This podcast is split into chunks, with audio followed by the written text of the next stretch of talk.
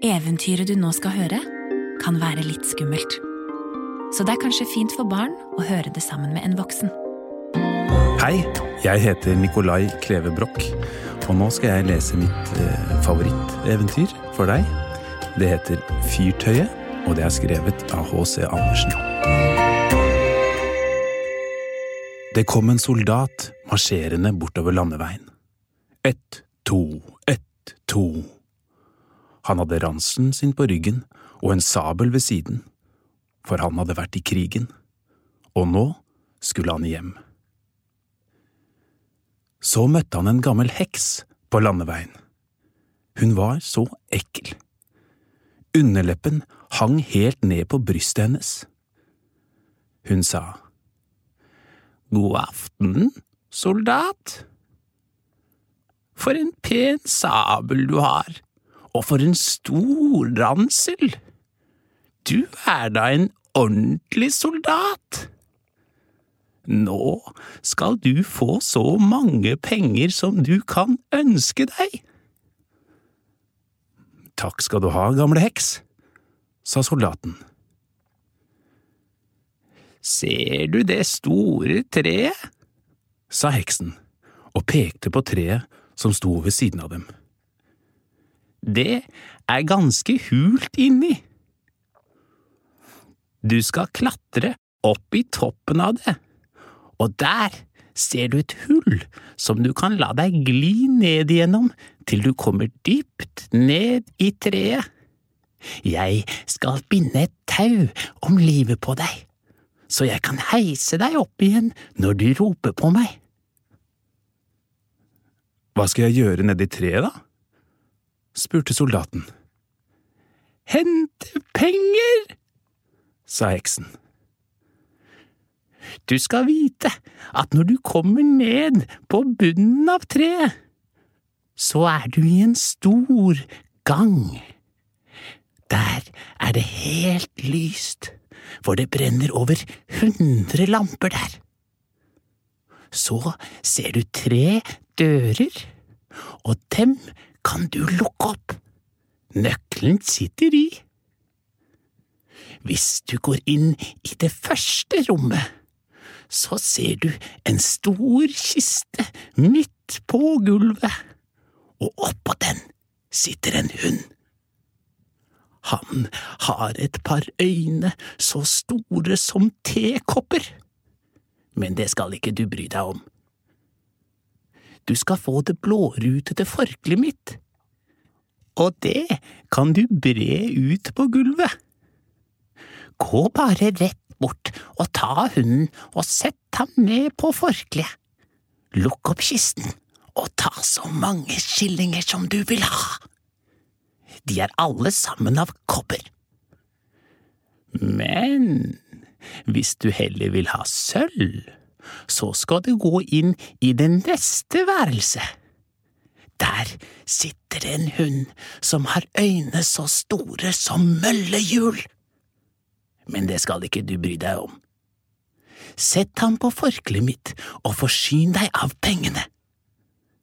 Og vil du heller ha gull, det kan du få, så mye du kan bære.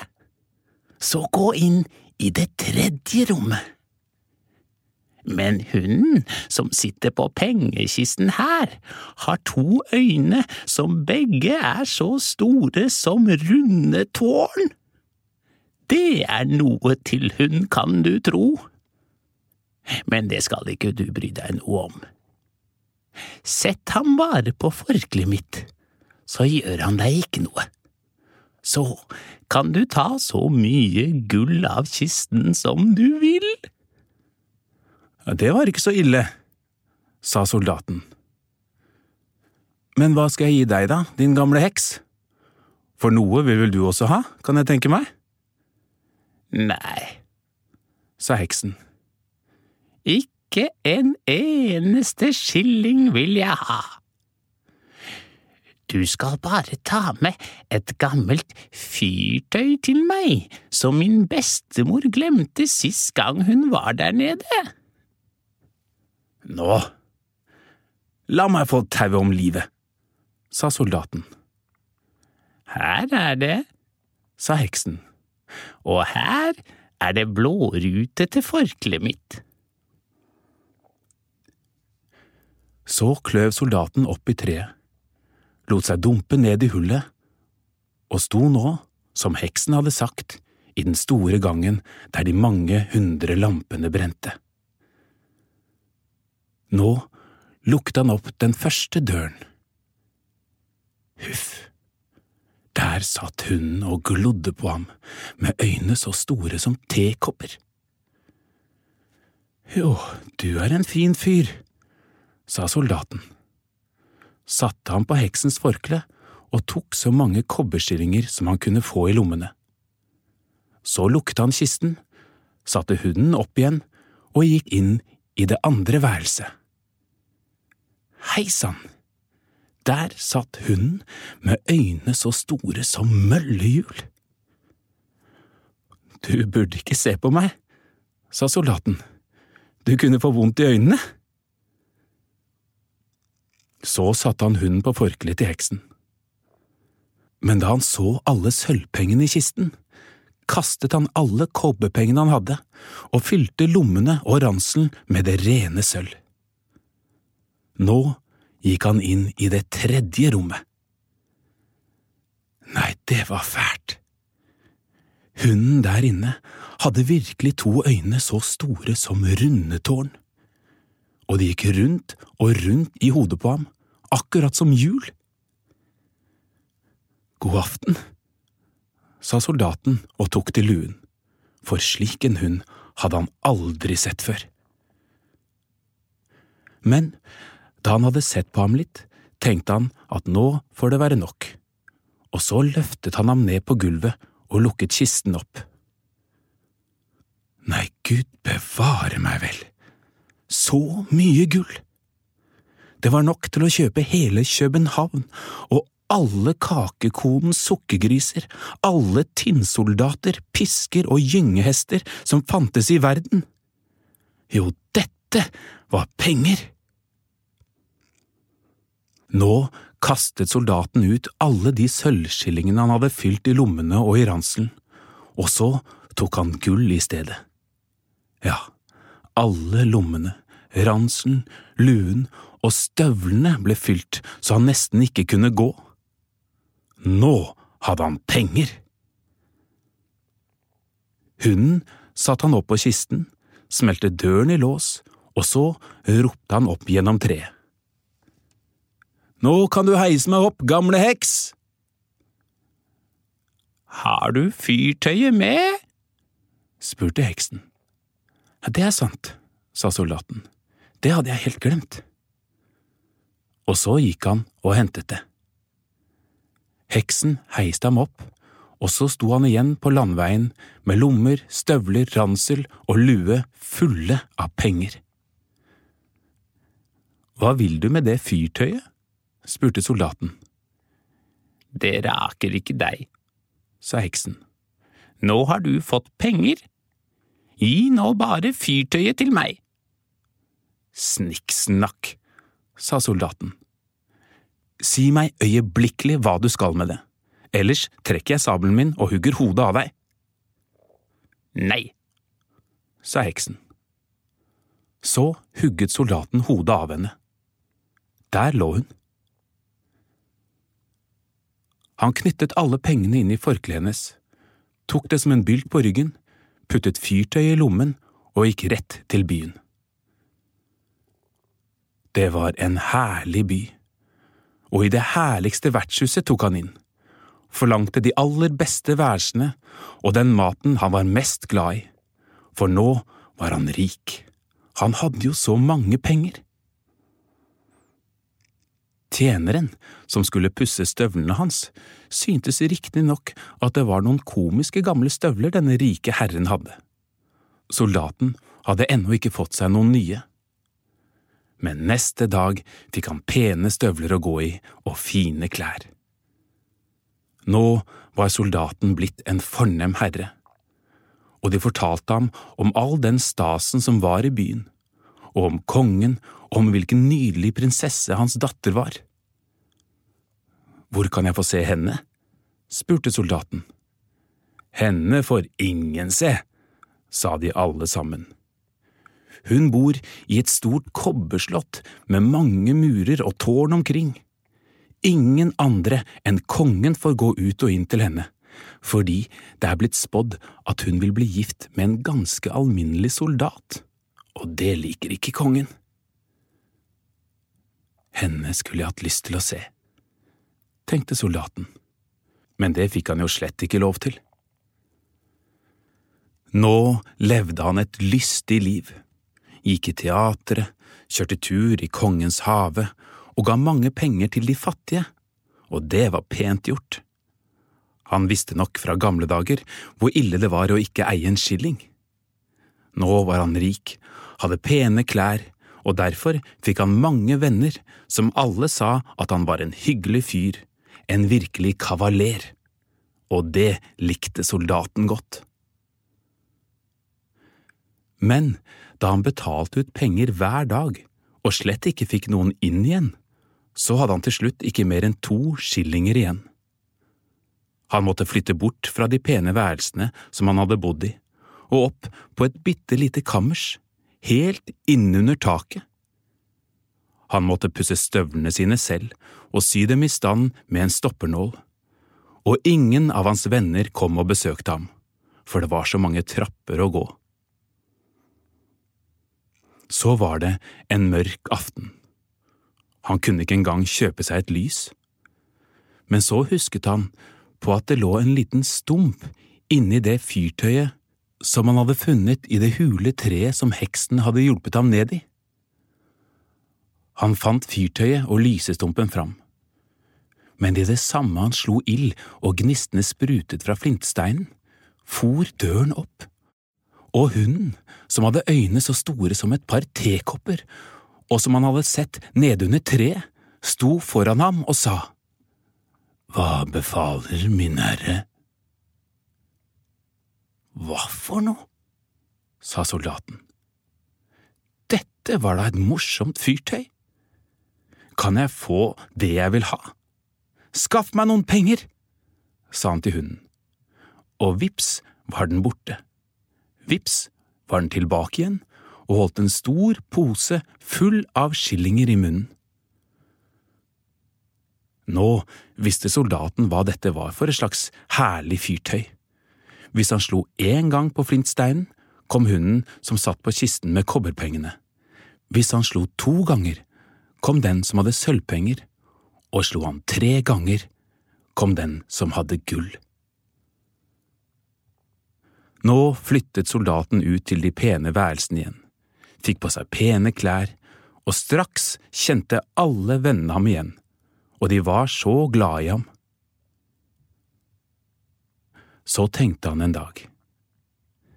Det er da merkelig at det ikke skal gå an å få se den prinsessen.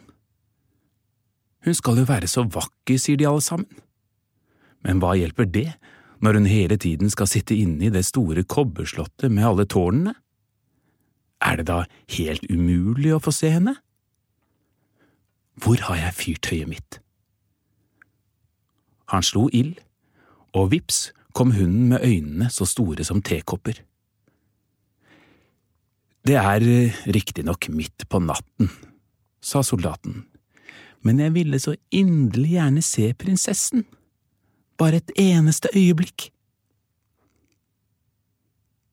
Hunden var ute av døren med det samme, og før soldaten fikk tenkt seg om, kom han tilbake med prinsessen. Hun satt og sov på ryggen til hunden, og var så vakker at enhver kunne se at dette var en virkelig prinsesse. Soldaten kunne slett ikke la være. Han måtte kysse henne for det var en ordentlig soldat. Så løp hunden tilbake igjen med prinsessen. Men da det ble morgen og kongen og dronningen skjenket te, sa prinsessen at hun hadde hatt slik en underlig drøm i natt om en hund og en soldat. Hun hadde ridd på hunden, og soldaten hadde kysset henne. Ja, det var sannelig en fin historie, sa dronningen. Nå skulle en av de gamle hoffdamene våke ved prinsessens seng neste natt for å se om det var en virkelig drøm, eller hva det kunne være. Soldaten lengtet så skrekkelig etter å se den deilige prinsessen igjen, og derfor kom hunden om natten, tok henne og løp alt den orket. Men den gamle hoffdamen tok på seg slagstøvler og løp like fort bak etter dem. Da hun så at de ble borte i et stort hus, tenkte hun, Nå vet jeg hvor de er. Og så tegnet hun et stort kors på porten med et stykke kritt. Så gikk hun hjem og la seg, og hunden kom også tilbake med prinsessen. Men da han så at det var skrevet et stort kors på porten der soldaten bodde, tok han et stykke kritt og satte kors på alle portene i hele byen. Og det var klokt gjort, for nå kunne jo ikke hoffdammen finne den riktige porten når det var kors på dem alle sammen. Tidlig om morgenen kom kongen og dronningen, den gamle hoffdamen og alle offiserene for å se hvor det var prinsessen hadde vært. Der er det, sa kongen da han så den første porten med kors på. Nei, det er der, min kjære mann, sa dronningen, som så en annen port med kors på. Men der er ett, og der er ett, sa de alle sammen. Hvor de så, var det kors på portene. Så skjønte de jo at det ikke nyttet å lete lenger. Men dronningen var en meget klok kone som kunne mer enn å kjøre i karet. Hun tok den store gullsaksen sin, klippet et stort stykke silketøy i stykker og sydde en liten, nydelig pose. Den fylte hun med små, fine bokhvetegryn, bandt den på ryggen til prinsessen, og da det var gjort, klippet hun et lite hull i posen så grynene kunne drysse hele veien der prinsessen dro og om natten kom hunden igjen, tok prinsessen på ryggen og løp med henne bort til soldaten. Han som var så glad i henne, og som så gjerne ville vært prins så han kunne fått henne til kone. Hunden merket ikke hvordan grynene drysset helt bort fra slottet og fram til soldatens vindu, der han løp oppover muren med prinsessen. Om morgenen var det lett nok for kongen og dronningen å se hvor datteren deres hadde vært hen, og så tok de soldaten og satte ham i kasjotten. Der satt han. Huff, hvor mørkt og trist det var der. Så sa de til ham, I morgen skal du henges! Det var ikke morsomt å høre, og fyrtøyet hadde han glemt hjemme i vertshuset. Om morgenen kunne han se gjennom jernstengene i det lille vinduet at folk skyndte seg ut av byen for å se at han ble hengt. Han hørte trommene og så soldatene marsjere. Alle mennesker løp av sted. Det kom også en skomakergutt med fangskinn og tøfler løpende forbi, og han travet slik i galopp at den ene tøffelen hans føk like bort mot muren der soldaten satt og kikket ut mellom jernstengene. Hei du, skomakergutt, du må ikke ha sånt hastverk, sa soldaten til ham. Det blir ikke noe greie på det før jeg kommer. Men hvis du vil løpe bort dit hvor jeg har bodd og hente fyrtøyet mitt, så skal du få fire skilling. Men du må få med deg beina. Skomakergutten ville gjerne tjene fire skilling, og pilte av sted etter fyrtøyet, ga det til soldaten og… Ja, nå skal vi få høre. Utenfor byen var det murt opp en stor galge, og rundt om sto soldatene og mange hundre tusen mennesker. Kongen og dronningen satt på en vakker trone rett overfor dommeren og hele rådet. Soldaten sto allerede oppe på stigen, men da de ville legge repet om halsen hans, sa han at man jo alltid pleide å la en synder få et uskyldig ønske oppfylt før han led sin straff. Han ville så gjerne få røke en pipe, det ble jo den siste pipen han fikk i denne verden. Det ville ikke kongen si nei til. Og så tok soldaten fyrtøyet, slo ild, og en, to, tre. Der sto alle hundene, den med øyne så store som tekopper, den med øyne som møllehjul, og den som hadde øyne så store som runde tårn. Hjelp meg nå, så jeg ikke blir hengt, sa soldaten. Og så for hundene løs på dommerne og hele rådet, tok en i bena og en i nesen og kastet dem mange favner opp i været så de falt ned igjen og slo seg rent i stykker. Jeg vil ikke, sa kongen. Men den største hunden tok både ham og dronningen og kastet dem etter alle de andre.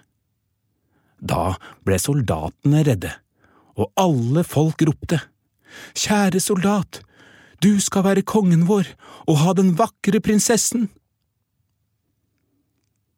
Så satte de soldaten i kongens karet, og de tre hundene danset foran og ropte hurra.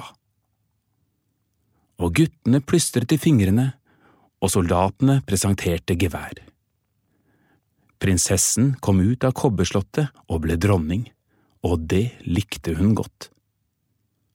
Bryllupet varte i åtte dager, og hundene fikk sitte til bords og gjorde store øyne.